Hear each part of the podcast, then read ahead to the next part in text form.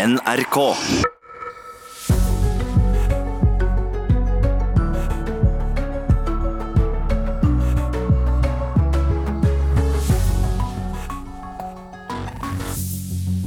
God morgen, velkommen til Nyhetsmorgen i NRK P2 på NRK1 og, og i NRK Alltid nyheter på radio.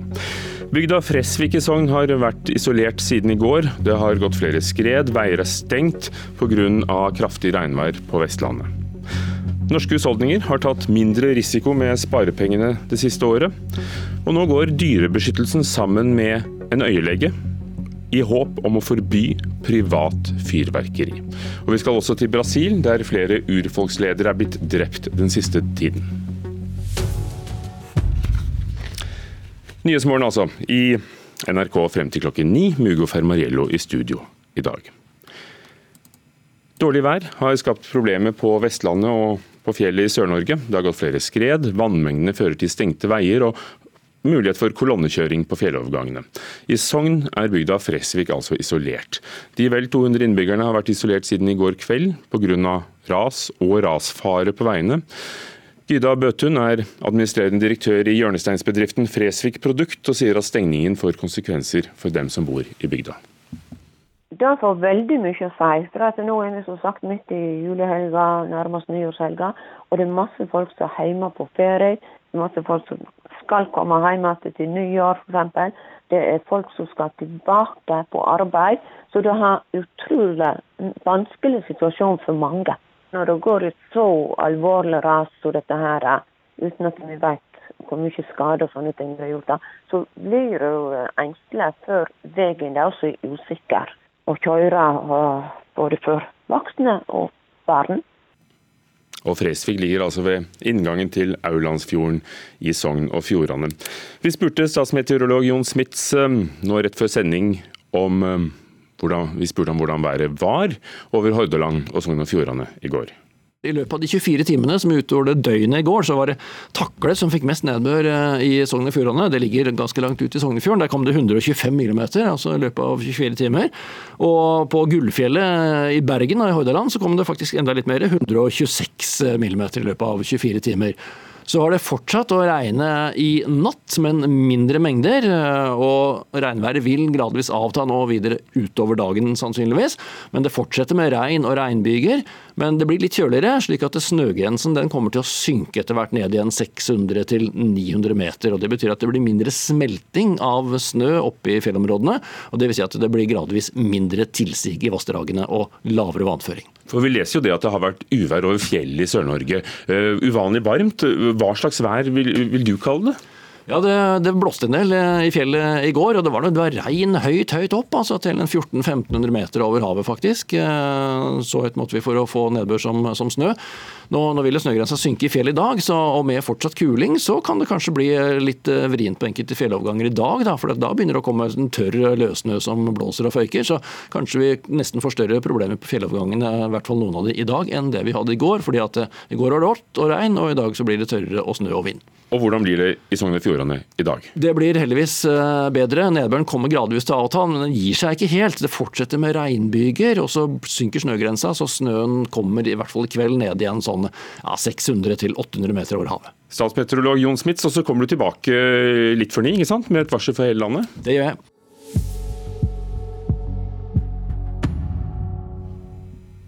Folk sparer, og mange sparer med penger i verdi verdipapirfond, og det viser seg at de har tatt mindre risiko med pengene sine det siste året enn tidligere. Dette er tall fra Verdipapirfondenes forening.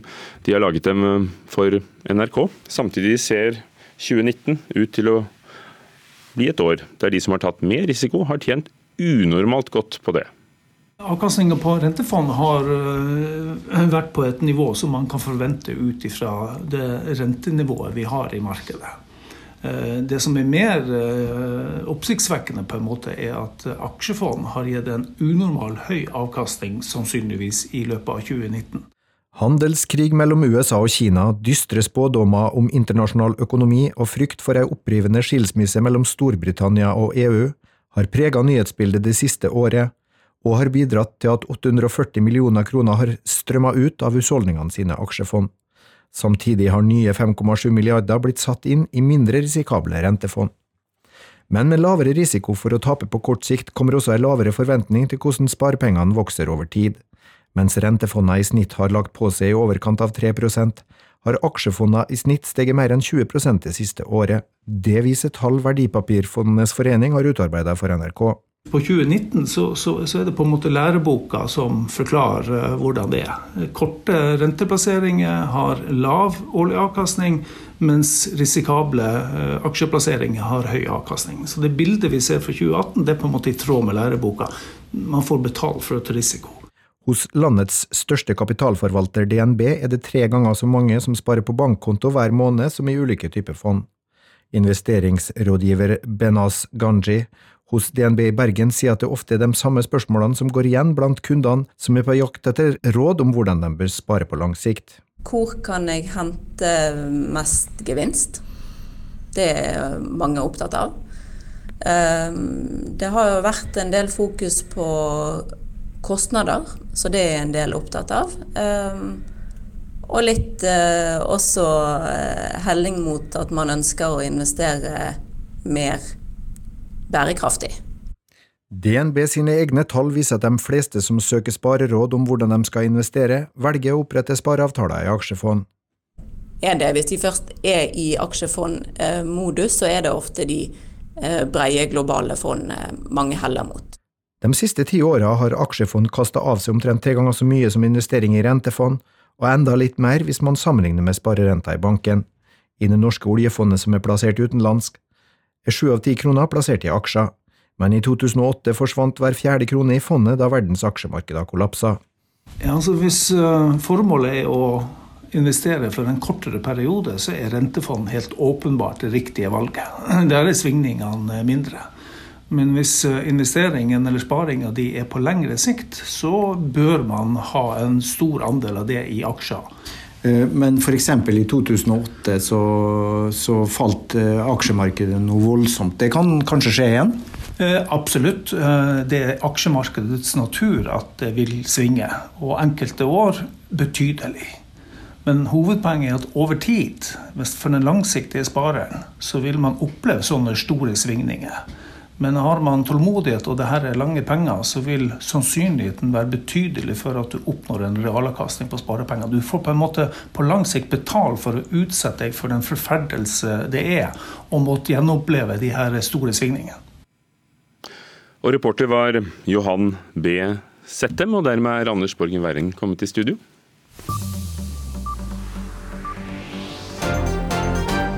Dette har skjedd i natt.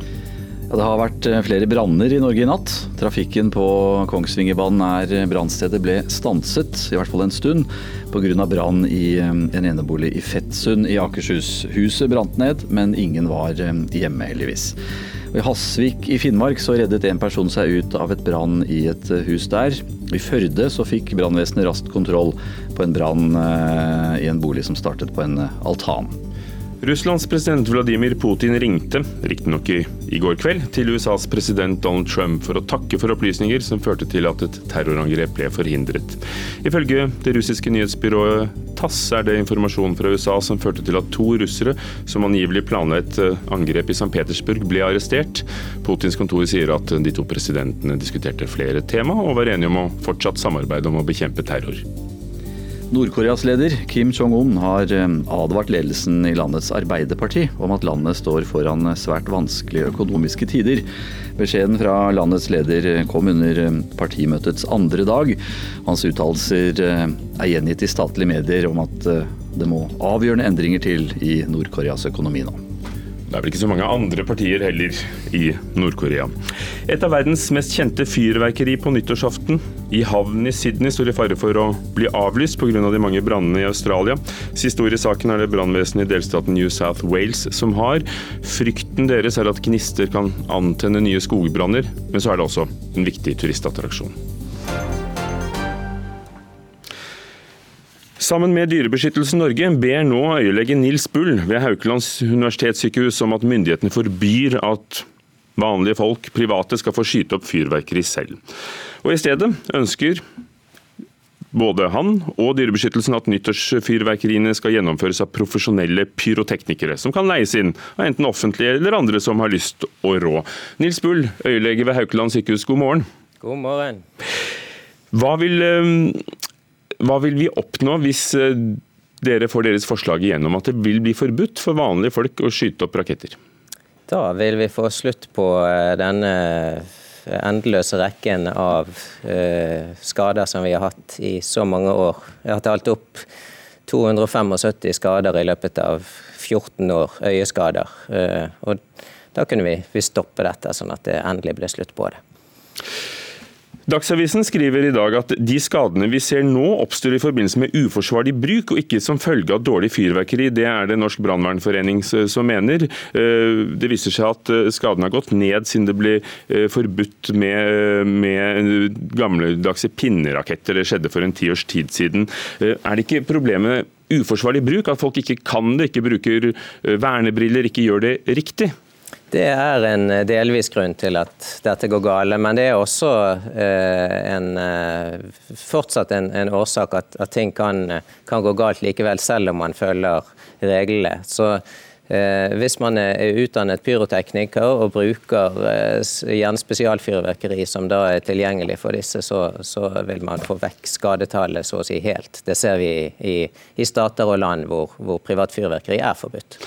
Du har behandlet uh folk som har skadet øynene sine med raketter, oftest på nyttårsaften i årevis.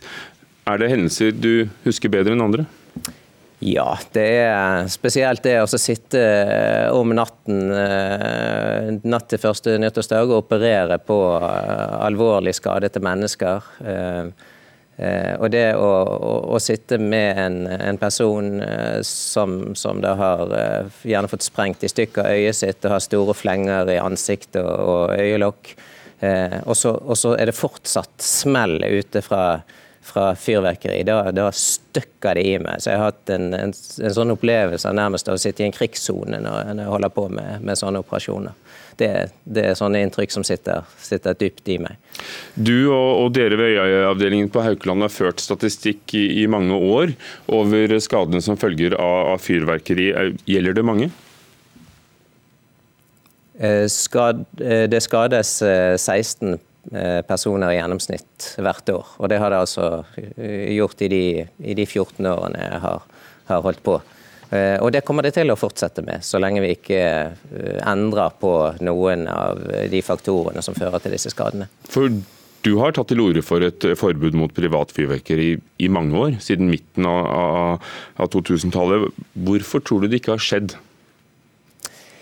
Eh, det er vel kanskje en, en, en, vanskelig politisk beslutning å ta, fordi den, den, har vært upopulær. Men eh, nå begynner jo flertallet i befolkningen egentlig å være for et, et forbud mot privat fyrverkeri. Så jeg, jeg tror det går i, i, riktig retning, dette her. At, at nok, nok er nok.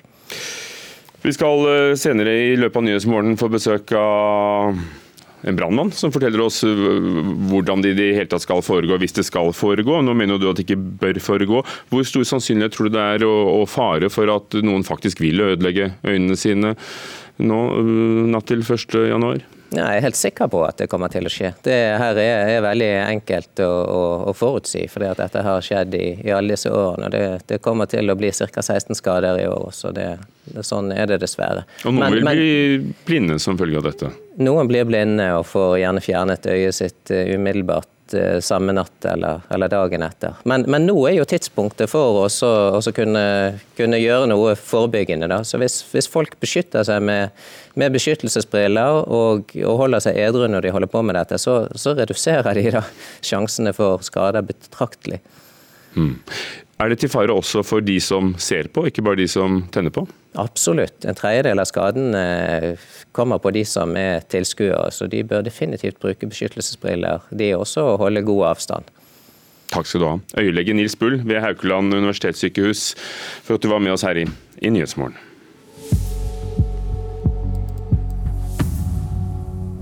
Klokken er blitt 7.17, og vel så det.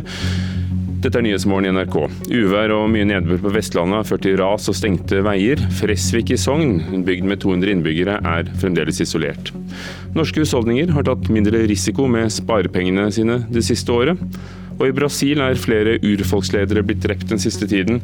Vi skal eh, få høre fra vår reporter i Rio de Janeiro om hvorfor ganske snart. Noen kaller det spionskolen, eller bare Forsvarets russisk-kurs, men offisielt så heter det altså Etterretningstjenesten våpenskole. Og nå tilbyr de ikke lenger en bachelorgrad til sine studenter. Skolen ble gjort om til en toårig fagutdanning i forbindelse med fjorårets utdanningsreform i Forsvaret. Nå jobber Forsvaret med på nytt å omgjøre skolen til en høyskole. Det forteller oberst Trond Nilsen i Forsvarsstaben. Det vi konkret jobber med, er å se på muligheten for å akkreditere den eh, språk- og etterretningsutdanninga som en, en bachelorutdanning, slik den var tidligere. Oberst Trond Nilsen er sjef for utdanningsseksjonen i Forsvarsstaben. Han leder prosessen med å reakkreditere språk- og etterretningsutdanningen ved det som på folkemunne er kjent som Spionskolen. Han bekrefter at planen er å legge denne delen av utdanningen under Forsvarets høgskole. Høgskolen og Etterretningstjenesten jobber jo nå sammen for å se på hvordan dette kan gjøres. Ambisjonen er at vi skal ha det klart fra neste sommer. Ifølge Nilsen jobbes det nå med en løsning der ansvaret for skolen vil være delt mellom sjefen for Forsvarets høgskole, Henning André Fransen, og leder for Etterretningstjenesten, Morten Haga Lunde. Men er det Fransen som skal ha ansvaret for eh, Etterretningshøgskolen? Det vil være styret som fastsetter fagplaner etter Etterretningshøgskolen. Eh, så vil jo selvfølgelig Fransen være den som gjennomfører utdanninga, eller står ansvarlig for utdanninga. Det vil det være.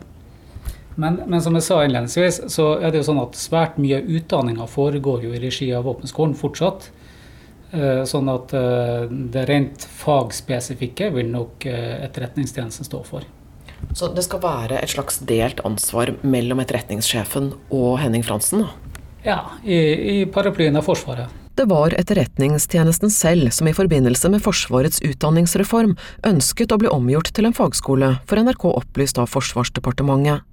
Men etter reformen har tjenesten meldt ifra at de ønsker å få tilbake akkrediteringen, en godkjenningsordning som gir studiepenger og studiepoeng.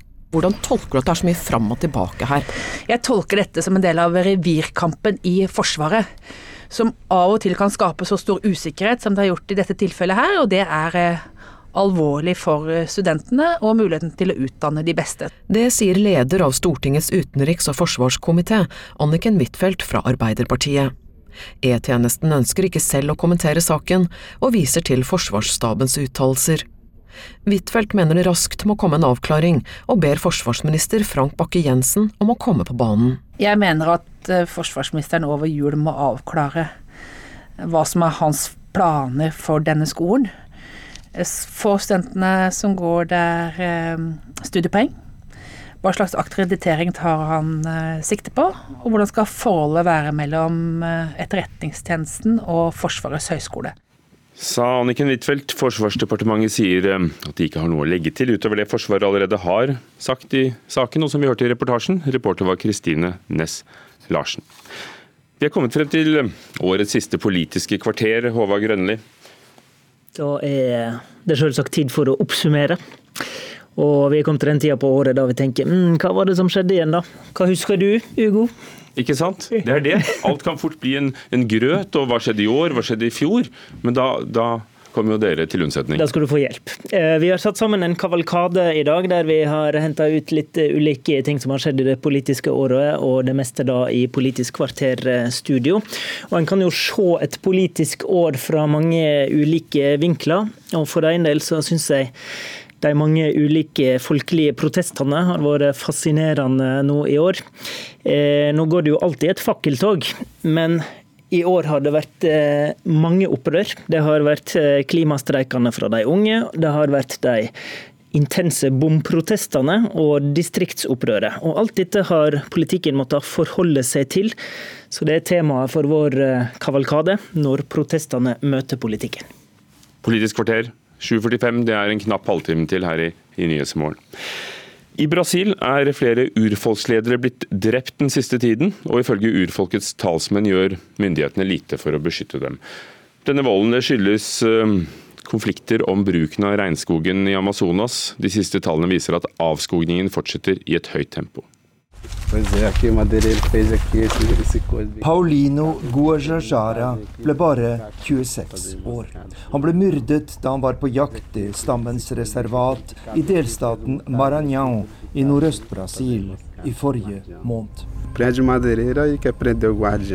Paulino tilhørte Guajajara-folket, et av de største urfolkene i Brasil, og hans jobb var å forsvare regnskogen mot tømmerhuggere og andre inntrengere i reservatet.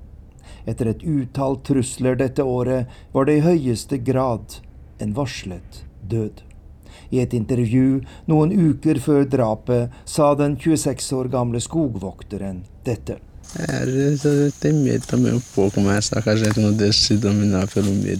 Jeg er jo redd, men man kan ikke la frykten ta overhånd. Vi må holde hodet hevet og gjøre det som er jobben vår. Å kjempe for å beskytte vår jord og alt det som lever her. Beskytte skogen vi lever av, for den er nå mer truet enn noen gang før, sa den nå avdøde skogvokteren. Kampen om Brasils regnskog blir stadig mer brutal. Paulino er en av fire skogvoktere fra Guajajara-folket som er blitt drept de siste ukene, og vold og trusler mot urfolk blir stadig mer vanlig. De siste tallene fra Brasils myndigheter viser at avskogingen nå er den høyeste på ti år, og et område på størrelse med Aust-Agder fylke er blitt ødelagt hittil i år. Urfolkslederen Sonja Guajajara er rystet over drapene på skogvoktere. Esses crimes não são casos isolados, são reflexos do ódio dette er ikke isolerte saker, men et resultat av det hatet som rettes mot oss fra landets øverste myndigheter. Brasils grunnlov pålegger presidenten å beskytte våre liv og de reservatene vi bor i, men i stedet oppmuntrer han bønder, tømmerhuggere og gullgravere til å gå inn i våre områder for å tjene penger, sier urfolksleder Sonja Guajajara. Jeg er kaptein Motorsag, fleiper presidenten og den tidligere offiseren Jair Bolsonaro. Og hans uttalte politikk er å bruke urfolkets reservater til å fremme jordbruk, industri og andre næringsinteresser. For Brasils urfolk er det en krigserklæring.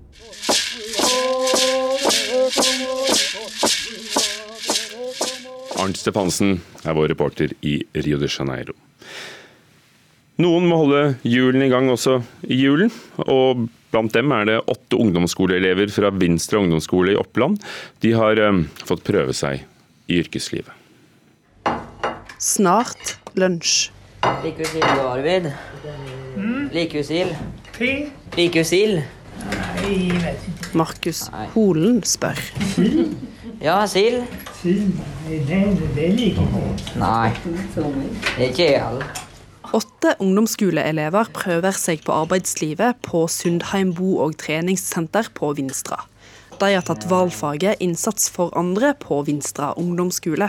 Markus Holen er en av de som får prøvd seg.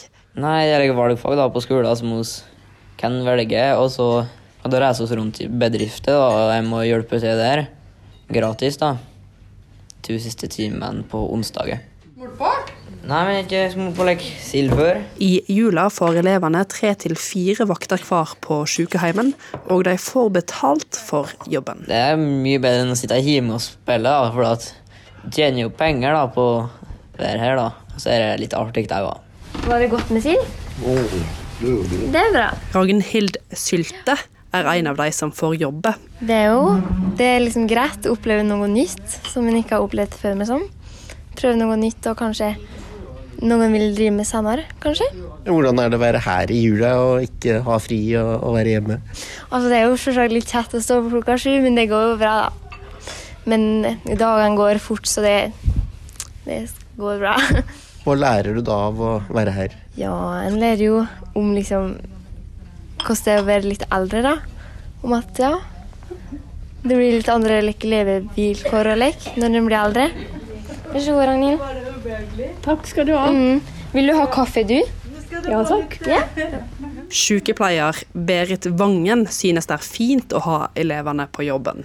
Altså, det er det at eh, det er noen som kan være trygge. De går med så her pleierfrakkene på seg, ikke sant. Og de er blide og trivelige. De kan gi trygghet til de som er syke. Så det er noen ekstra hender dere får til å hjelpe dere? det er ekstra hend, og det er ekstra hode. Ja. Og de eldre syke pasientene våre, de er jo glad i ungdommer. Og ja. Nei, det er veldig fint. Føler du at noen av disse har fått lyst til å jobbe eh, med eldre når de eh, blir eldre? Ja, Det er jo det vi håper, da. At dette er en god rekruttering. Så jeg håper jo det at de har lyst til å gå inn i helsevesenet. Men jeg trenger så mange framover. Tore, nå er det lunsj. Ja. Nå er det lunsj. Er dette et yrke du kan tenke deg å ha når du eh, blir eldre? Ja, det kan godt hende, det. Hva er det som er fint ved det? Nei, være liksom rundt folk. Det er mye forskjellig å gjøre hele tida, sant? Så mm, møte nye folk alene. gjennom jobben. Og reportere var eh, Knut eh, Røsrud, som hadde vært i Oppland og snakket med elevene fra Vinstra ungdomsskole. Og så hørte vi også reporter Kari Nygaard Tvilde. Mot slutten av livet laget Picasso en serie på 347 grafiske blad. Suite 347, også kalt Den erotiske suiten. Og ganske enestående, et helt sett, nummer 41 av 50, er i norsk eie. Og det skal vises på museum eller på Henny Jonstad kunstsenter fra og med 2. januar. Det skal vi høre om i løpet av Nyhetsmorgen. Studio 2. Hva gjør egentlig franske soldater i Mali, og hva handler konflikten om? Hver ettermiddag får du de viktigste nyhetene, de største skandalene, de nyeste trendene og alle historiene som ligger bak. Det var en liten brann som oppsto midt under en matinéforestilling, så det er ikke sikkert at det er trygt å gå på teater i London. Bli overrasket. NRK P2. NRK P2. – 200 mennesker er isolert på Vestlandet pga. uvær og ras. Norske husholdninger har tatt mindre risiko med sparepengene sine det siste året. Og 13 år gamle Syver har samlet inn over 100 000 kroner til den kreftsyke pappaen sin. Her er NRK Dagsnytt, klokka er 7.30. Kraftig regn har altså rammet Vestlandet og fjellet i Sør-Norge. Det har gått eh, flere skred. Vannmengdene har ført til stengte veier. I Sogn og Fjordane der er nå 200, 200 mennesker isolert. Klart at når det går et så alvorlig ras som dette her, uten at vi vet hvor mye skade og sånne ting det har gjort, så blir du engstelig for veien er også usikker. Mye regn og kraftig vind har preget helga på Vestlandet. Flere veier er stengte etter de store vassmengdene, og i Vike sogn er om lag 200 mennesker isolerte i bygda Fresvik etter et 50-60 meter bredt jordskred. Det er alvorlig, forteller Gyda Bøtun, som er en av de isolerte. Det får veldig mye å si, og det er masse folk som er hjemme på ferie. Er masse folk som skal komme hjem igjen til nyår, f.eks. Det er folk som skal tilbake på arbeid og skal være vekk på ja. Så det har utrolig vanskelig situasjon for mange. Noregs vassdrags- og energidirektorat varsler jord-, sørpe- og fleimskredfare på oransje nivå for Hordaland og Sogn og Fjordane, og for deler av Møre og Romsdal. Oransje nivå er det nest høyeste varslingsnivået. Det regna ganske kraftig både i Sogn og Fjordane og Hordaland i går. Så har det fortsatt å regne i natt, men mindre mengder. Og regnværet vil gradvis avta nå videre utover dagen, sannsynligvis. Det sier statsmeteorolog Jon Smits. I dag tidlig rykte brannvesenet på Voss ut til et bostadhus pga. fare for vassinntrenging. Samtidig har brannvesenet i Lindås pumpa ut vann fra en kjeller i et næringsbygg i Knarvik gjennom hele natta. Men brannvesenet forteller at natta ble mindre hektisk enn frykta. Gyda Bøtun er administrerende direktør for virksomheten Fresvik Produkt. Hun forteller at den stengte veien enn så lenge ikke er kritisk for virksomheten. Men hvis det vil gå lenger til, så vil det selvsagt få en kabal for oss å få få arbeidsfolk på plass. Reportere Birgit Vågenesbakken og Solveig Svarstad. Mange norske husholdninger med penger i verdipapirfond har tatt mindre risiko med pengene sine det siste året. Det viser tall fra Verdipapirfondenes forening. Samtidig ser 2019 ut til å bli et år der de som har tatt mer risiko, har tjent unormalt godt på det. Det sier Bernt Sakariassen, direktør i Verdipapirfondenes forening. Aksjefond har gitt en unormal høy avkastning, sannsynligvis i løpet av 2019. Handelskrig mellom USA og Kina, dystre spådommer om internasjonal økonomi og frykt for ei opprivende skilsmisse mellom Storbritannia og EU har prega nyhetsbildet det siste året, og har bidratt til at 840 millioner kroner har strømma ut av husholdningene sine aksjefond. Samtidig har nye 5,7 milliarder blitt satt inn i mindre risikable rentefond. Men med lavere risiko for å tape på kort sikt kommer også ei lavere forventning til hvordan sparepengene vokser over tid. Mens rentefondene i snitt har lagt på seg i overkant av 3% har aksjefondene i snitt steget mer enn 20% det siste året. Det viser tall Verdipapirfondenes forening har utarbeidet for NRK. På 2019 så, så, så, er det på en måte læreboka som forklarer eh, hvordan det er. Korte renteplasseringer har lav årlig avkastning, mens risikable eh, aksjeplasseringer har høy avkastning. Man får betalt for et risiko. Hos landets største kapitalforvalter DNB er det tre ganger så mange som sparer på bankkonto hver måned som i ulike typer fond. Investeringsrådgiver Benaz Ganji hos DNB i Bergen sier at det ofte er de samme spørsmålene som går igjen blant kundene som er på jakt etter råd om hvordan de bør spare på lang sikt. Hvor kan jeg hente mest gevinst? Det er mange opptatt av. Det har jo vært en del fokus på kostnader, så det er en del opptatt av. Eh, og litt eh, også eh, helling mot at man ønsker å investere mer bærekraftig. Reporter Johan B. Settem. Øyelege Nils Bull og Dyrebeskyttelsen ber om at myndighetene forbyr vanlige folk å skyte opp fyrverkeri selv. I stedet ønsker de at nyttårsfyrverkeringene skal gjennomføres av profesjonelle pyroteknikere, som kan leies inn av offentlige eller private aktører. Bull har behandlet folk med øyeskader på nyttårsaften i mange år. Jeg har talt opp 275 skader i løpet av 14 år, øyeskader. Eh, og da kunne vi stoppe dette, sånn at det endelig ble slutt på det. Er det ikke problemet uforsvarlig bruk? At folk ikke kan det, ikke bruker eh, vernebriller, ikke gjør det riktig? Det er en eh, delvis grunn til at dette går gale, men det er også eh, en, fortsatt en, en årsak at, at ting kan, kan, gå galt likevel, selv om man følger reglene. Så Hvis man er utdannet pyrotekniker og bruker gjerne spesialfyrverkeri som da er tilgjengelig for disse, så, så vil man få vekk skadetallet så å si helt. Øyelege Nils Bull, intervjuet av Ugo Fermariello. Brasil skal det handle om nå. Flere urfolksledere der er blitt drept den siste tida, og ifølge urfolkets talsmenn så gjør myndighetene lite for å beskytte dem. Den økte volden knyttes til konflikter om bruken av regnskogen i Amazonas, og de siste tallene viser at avskogingen fortsetter i høyt tempo. Paulino Guajajara ble bare 26 år. Han ble myrdet da han var på jakt i stammens reservat i delstaten Maranhão i nordøst-Brasil i forrige måned.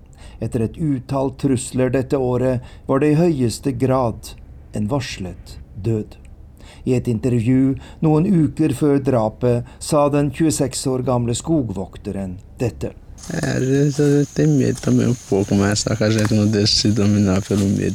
Jeg er jo redd, men man kan ikke la frykten ta overhånd.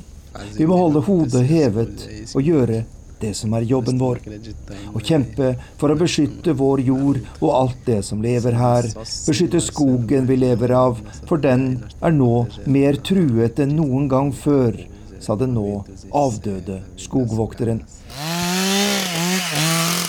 Kampen om Brasils regnskog blir stadig mer brutal. Paulino er en av fire skogvoktere fra Guajajara-folket som er blitt drept de siste ukene, og vold og trusler mot urfolk blir stadig mer vanlig. De siste tallene fra Brasils myndigheter viser at avskogingen nå er den høyeste på ti år, og et område på størrelse med Aust-Agder fylke er blitt ødelagt hittil i år. Det var eh, Arnt Stefansen som hadde laget denne reportasjen fra Rio de Janeiro. Og nå skal det handle om en litt spesiell eh, pengeinnsamling. Før jul fikk Kim Kvalevik fra Stavern i Vestfold beskjed fra legen om at det ikke var mer de kunne gjøre for å stanse kreften. Det førte til at sønnen, 13 år gamle Syver, startet innsamlingsaksjon. Syver eh, ville samle inn 500 kroner til Kreftforeningen. Nå har 13-åringen fått inn over 130 000 kroner. Og pappa Kim, han visste ingenting. Ved en tilfeldighet så satt jeg jo bare og slappa av på internett på kvelden, og så så jeg at uh, på Facebook så hadde han starta på eget initiativ en innsamlingsaksjon til Kreftforeningen. Hvor han hadde et ønske om beskjedne 500 kroner. Syver ville gjøre det han kunne for å unngå at andre barn må miste pappaen sin. Han sier innsamlingsaksjonen gir en god følelse oppi alt det kjipe, og Kim Kvalvik er stolt av det sønnen har fått til. Det er jo helt fantastisk flott, rett og slett. Det er vel det at han hadde et behov for å gjøre noe konkret oppi hjelpeløsheten, som ga en styrke for han. Midlene som eh, blir samlet inn gjennom Syvers innsamlingsaksjon, de går direkte til forskning på kreft, slik at vi kan få bedre og mer treffsikker behandling i fremtiden. Det sier distriktssjef i Kreftforeningen Vestfold Trine VM. Hun synes det Syver har fått til på Facebook er imponerende. Denne aksjonen her er veldig unik, altså, og det er klart at det er veldig sterkt å se. Det at det er unge mennesker som tar initiativ. altså Syver er jo en, en ung person, og at han viser en, en, sårbarhet, viser en offentlighet og deler dette. og og på den måten få med seg folk, er nok det som er grunnen til at så mange mennesker faktisk har lyst til å gi på denne aksjonen. Kvalvik mener det er viktig at voksne snakker åpent med barna om kreftsykdom. For vår del så er jo, er jo, det at døden er en del av livet. og Det er det jo også for barna. Og det å gi de en oppdatert og en riktig informasjon, gjør at barna vet at de kan stole på oss. Reporter her, det var Vegard Unger eh, Ellefsen. Det er eh, andre og siste dag av verdensmesterskap eh, i lynsjakk i Moskva. Magnus Carlsen leder eh, etter første dag. Han skal spille ni partier eh, i dag, og det hele starter klokka tolv. Du kan eh, følge lynsjakk-VM fra Moskva direkte på NRK1, nrk.no, eller du kan høre på radiokanalen NRK Sport. I dag er det Anne Skårseth som har ansvaret for NRK Dagsnytt. Jeg heter Anders Borgen Werring.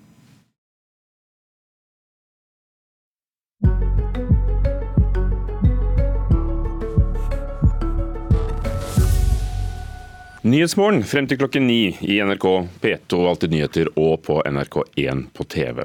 Vi skal høre om Picassos erotiske grafikk, men som også er en hyllest til den europeiske kunsten.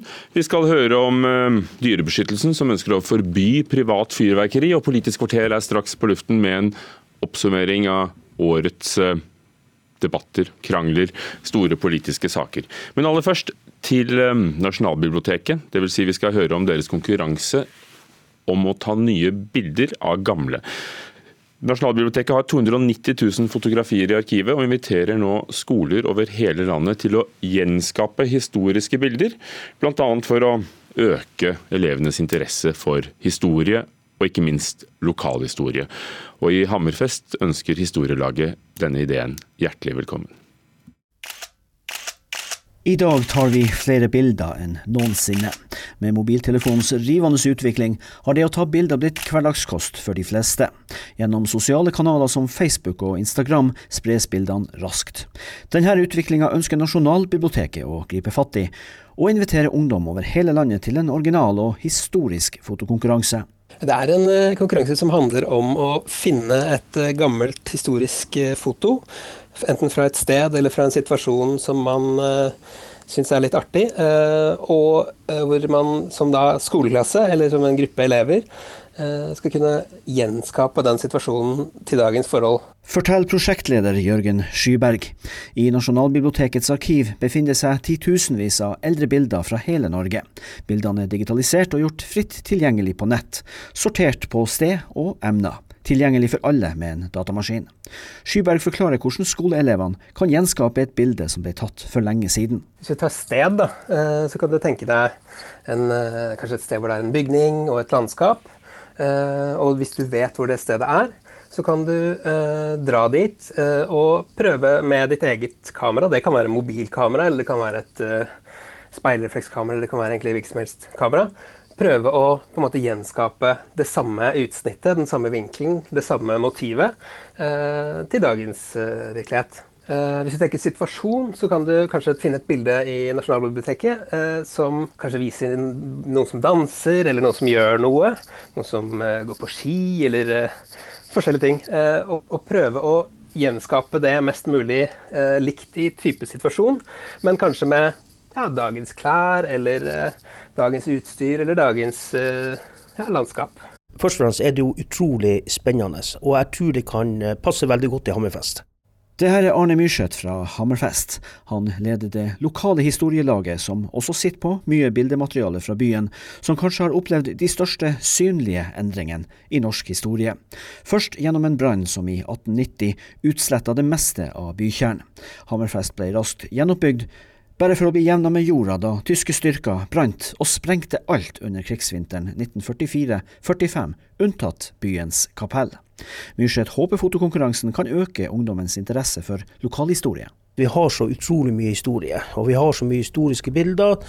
Og jeg ser en gryende interesse for historie, også blant de yngre. Hvorfor er det så viktig å få engasjert den yngre garde i det her? Det er jo den som på en måte skal forvalte historien. Og vi har jo sett sånn i forbindelse med spesielt Struves meridianbue at veldig mange unge de vet ikke hva det er for noe. Og da blir jeg litt sånn overraska, selv om jeg er tilflytter sjøl. Fagansvarlig for skolene i Hammerfest, Christer Ringheim, tror prosjektet vil passe godt inn i elevene sin hverdag. Det er jo mange innfallsvinkler til det. Eh, vi bruker jo en del digitale verktøy i eh, skolen i dag.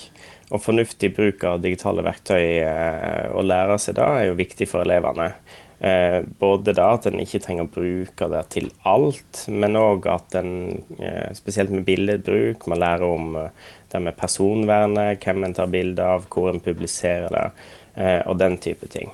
Og reporter i Hammerfest var Allan Klo, og første periode for denne konkurransen hos Nasjonalbiblioteket har frist 1.2.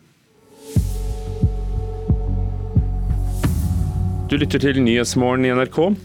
Uvær og mye nedbør på Vestlandet har ført til ras og stengte veier, og Fresvik i Sogn er fortsatt isolert. Og norske husholdninger har tatt mindre risiko med sparepengene i 2019. Og nå er det tid for Håvard Grønli i Politisk kvarter å oppsummere et år i politikken.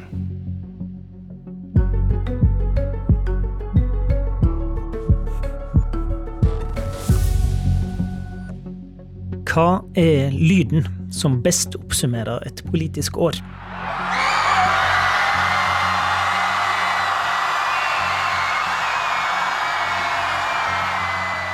Er det et klimabrøl fra gatene, fra de unge?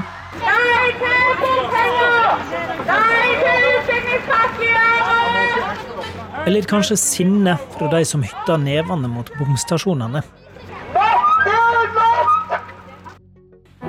Er det den kulturelt symboltunge protesten fra de bunadskledde i distriktene?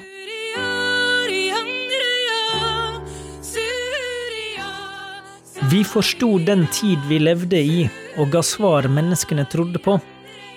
Skal Trygve Bratteli ha sagt en gang, da han skulle forklare Arbeiderpartiets dominans i etterkrigstida. Og hvis Klimabrøl, bomprotest og distriktsopprør var den tidsånden i 2019 som fikk politisk gjennomslag.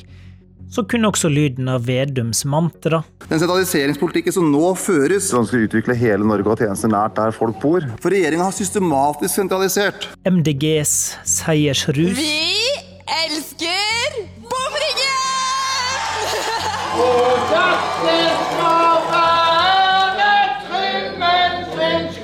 Eller den usannsynlige velgermagneten Bompartiet være lyden av politisk makt. Men lyden fra protestrørslene kan jo like gjerne illustrere avmakt. Makta kan ligge hos de som ikke har et folkehav bak seg, men har manøvrert seg til posisjon med minst mulig margin. Vi skal danne et prosjekt, danne en regjering som, som er, gjør det beste for Norge. Og jeg mener jo at KrF sin politikk er det som bidrar mest til det, og derfor kommer jeg til å kjempe for at vi skal få mest mulig gjennomslag for det. Den kan ligge hos de som har blitt utfordra. Da er det en litt bratt bakke. Men det jeg er veldig glad for nå, er det bompengeopprøret som brer seg. Men ikke kasta. En partileder som ikke har mer feeling med partiet sitt, den er i så fall ille ute. Året begynner der fjoråret konkluderte. Partiet som på en god dag er 4% stort, går inn i regjering. og den tilspissa abortdiskusjonen fra høsten 2018 ender med ei regjeringserklæring som tar bort åpninga for å abortere bort den ene av friske flerlinger. KrF-lederen si oppsummering lever sitt eget liv. Jeg mener at hvis du klarer å bære fram ett, så bør du kunne klare å bære fram to. Det Dagen etter ble det oppklaring i Politisk kvarter.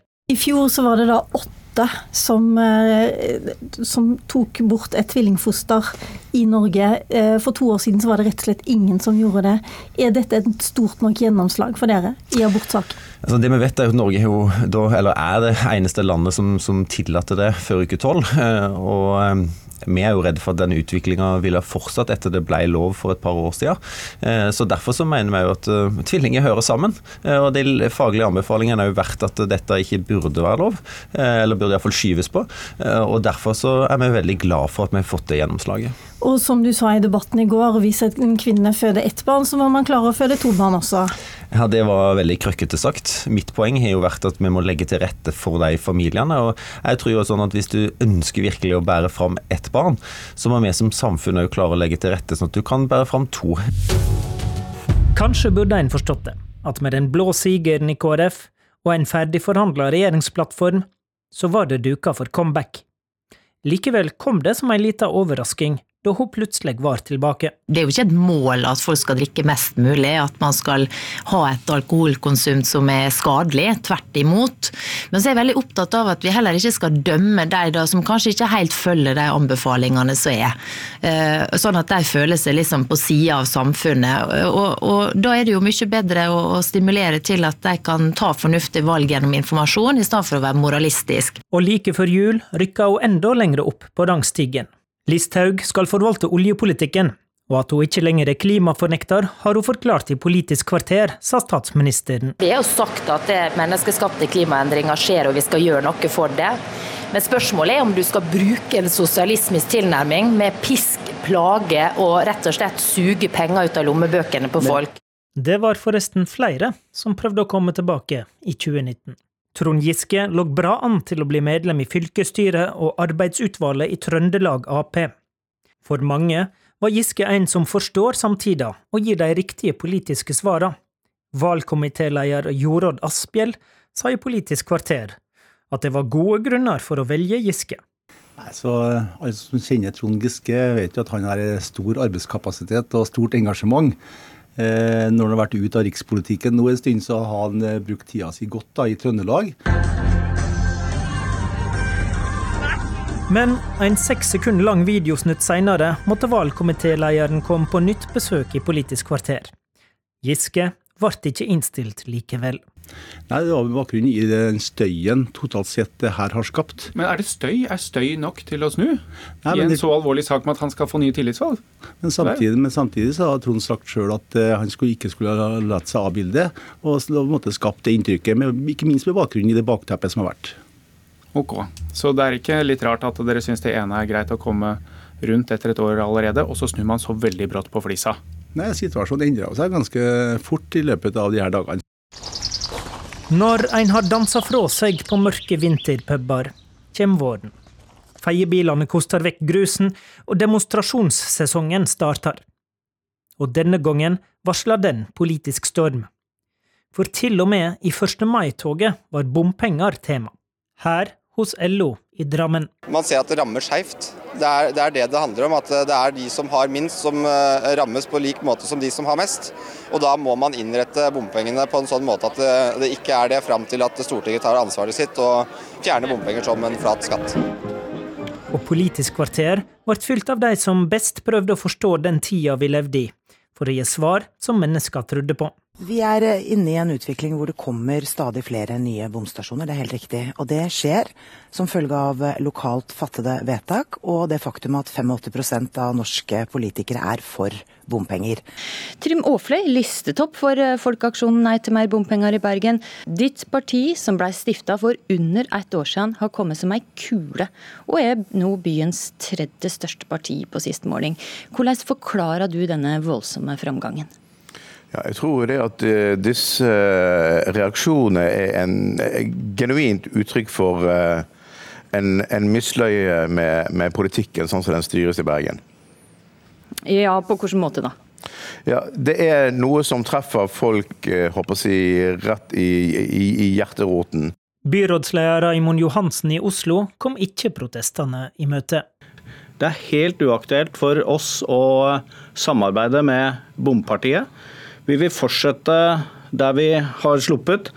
Det betyr at det nå er 14 000 færre passeringer gjennom bomringen og 5 millioner færre i året, og luftkvaliteten er mye bedre i Oslo og eh. for bra for næringslivet og bra for småbarnsfamiliene. Jeg frykter kø, kork og kaos hvis vi gir etter for eh, bompartiets krav her. Så for oss er det helt uaktuelt. og vil de ikke ha det, så trenger de ikke å stemme på Arbeiderpartiet.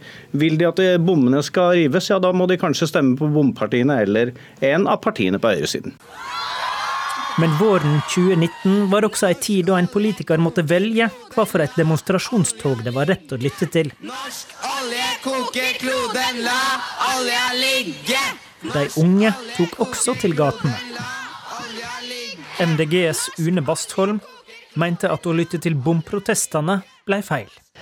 Nei, altså hvis du ser verden uh, under ett nå, de store sammenhengene, så syns jeg jo det er et rart sted, først og fremst for norske politikere nå å sette engasjementet sitt når vi står midt i natur- og klimakrise. I 2019 må alle vise fram klimasvarene sine. Det som er sant, er at i årene som kommer så skal utslipp ned. Og Det er hovedfokuset vårt nå.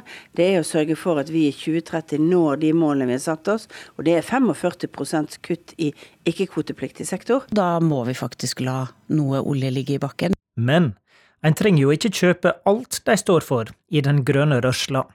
Senterpartiets Geir Pollestad visste å utfordre. Disse klimatoppene, for dem er det ingenting som er godt nok. Eh, du må tro på alle deres tiltak eh, for å være god nok.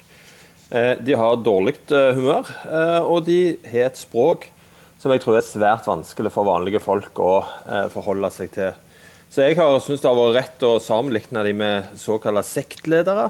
Grønn ungdom møtte Karl Eirik Skjøtt Pedersen fra Norsk olje og gass i Politisk kvarter. Du er imot denne streiken, og da er det bedre at du holder munn, enn at du kommer ut og later som at du er enig i den. Jeg syns det er veldig bra at du understreker at du har tro på FNs klimapanel. Det er veldig bra. Ja. Det har også jeg. Har dere det? Ja, absolutt. Hvorfor hvis, kjemper dere imot? Hvis jeg får lov til å snakke nå.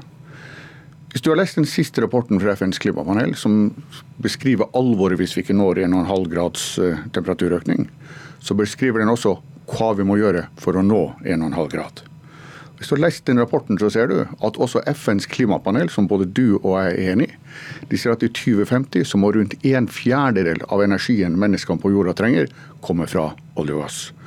Og da er det en selvsagt ting at det må være best at den oljen og gassen kommer fra de landene som har minst utslipp knytta til eh, sin olje. Og da har Nei, nå må du slutte. Norges olje og gass er ikke den reneste. Nå må, må, du slutte. Det er uansett ikke noe å si, for mesteparten av, mesteparten av utslippene fra olje og gass kommer når den brennes i andre land, ja, ikke når den produseres. Ja, men helt riktig. Så dere må slutte å dra de løgnene om at norsk, norsk olje og gass er den reneste. Det er helt irrelevant. Nå må du være snill og roe deg ned. Ungdomspolitikeren du hører her, forresten, heter Theodor Bru. Han spilte årets mest overraskende birolle i hovedrollene Kjell Ingolf Ropstad og Une Bastholm. Hvis du sier at dyr og mennesker har den samme verdien, så endrer det jo synet ditt på samfunnet. fordi Men hvor utbredt er, er egentlig det? Hvor utbredt er det i miljøbevegelsen, den denne frykta du har? Hvor, hvor, mange i miljøbevegelsen er det som mener at mennesket ikke har noe eierverdi? Jeg håper jo det er færrest mulig. Eh, og som jeg sa i min tale, så var det jo deler av miljøbevegelsen i Europa jeg viste til. Eh, men jeg vet jo at det er et eksempel som er ganske ferskt fra i sommer, der eh, ungdomslederen i Miljøpartiet var ute og sa at han skrev en kronikk med overskriften 'Imot menneskeverdet', og mente at menneskeverdet var ekskluderende, og langt på vei sa at mennesker og dyr har den samme verdien. Ropstad kunne ha invitert meg til en debatt om aktiv dødshjelp, eller om bioetikk for den saks skyld, men det er ikke det han har gjort. Han har stått foran sitt parti og sagt det finnes fire store trusler eh, mot det kristne menneskesynet. Eh, og så nevner han høyreekstremisme først, og så kommer han med den, med den grønne eh, Ja, OK. Og, og, så den grønne bevegelsen til slutt. Um, og hvor da grunnen til Og det her, er jo, det her mener jeg er det virkelig problematiske. for det Han sier at grunnen til at vi eh, skulle, skulle, ende med et annet resonnement eller en annen konklusjon i f.eks. spørsmål om bioetikk eller aktiv dødshjelp, er at vi likestiller dyr med mennesker. Og har du hørt sånt vrøvl? Altså, det, er jo, det har ingen rot i sannheten. Det er ikke noe sammenheng. Ropstad, jeg må la meg oppklare, det er ikke noe sammenheng. Liv og død. Politikk handler jo om livet sjøl og en helseminister skal argumentere godt for å vinne en diskusjon mot gravide kvinner som har trukket i bunad for å protestere. Vi må ikke skape et inntrykk av at det er blitt mer utrygt å føde i Norge, det er blitt tryggere. Og de kvinnene som føder, de er blitt mer fornøyd med tilbudet òg de siste årene. Så, men er det et problem at flere har altså, lengre altså, reisevei enn før? Avstand er et tema.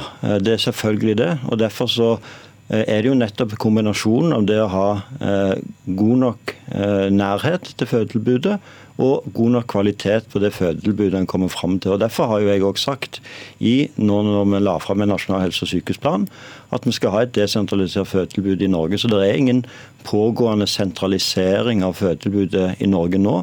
Om det nå var sykehustilbudet, mangel på synlig politi, litt for synlige vindmøller, høgskolenedlegging eller ambulansefly som ikke kom. Det var stort sett ett parti med ei fortelling som vant på protestene. Folk vet veldig godt hva Senterpartiet mener. Altså, vi ønsker å utvikle hele Norge, og vi ønsker et land med mindre forskjeller. I veldig mange saker er det vi som viser vei. Altså, det er ikke sånn at alltid er så uenige, men har ulik vektlegging. Altså, vi er mye tydeligere på at vi skal utvikle hele Norge. Vi er mye tydeligere på at vi skal ha en ambulanse og beredskap nært der folk bor. Vi er mye tydeligere i diskusjonen om politi at vi har mer eh, tillit til lokale politifolka. Vi er mye mer tydelige når det gjelder avgiftspolitikken. At vi ser at den rammer veldig urettferdig når avgiftene går opp for folk med lave inntekter. og skattekutta går til de som har høyest inntekter. og Det er det som er så gærent med dagens politikk. At den forsterker forskjeller både mellom folk og mellom ulike landsdeler. og Det må vi bli slutt på. For det som er den suksessen i Norge, er at vi har brukt politikken til å utvikle hele Norge. Med 14,4% ble Senterpartiet den største valgvinneren i kommunevalget. MDG hadde nest størst framgang, tett fulgt av de som protesterte mot bommer. Arbeiderpartiet og alle regjeringspartiene fikk smellen, men det er lang vei fra slagord til makt. Så Støres tropper vant makta i de store byene. Solberg og de krympa samansvorne styrer landet. Alle vil møte opp igjen i Politisk kvarter i 2020 og vise oss at de forstår tida vi lever i, og prøver å gi oss svar som vi tror på.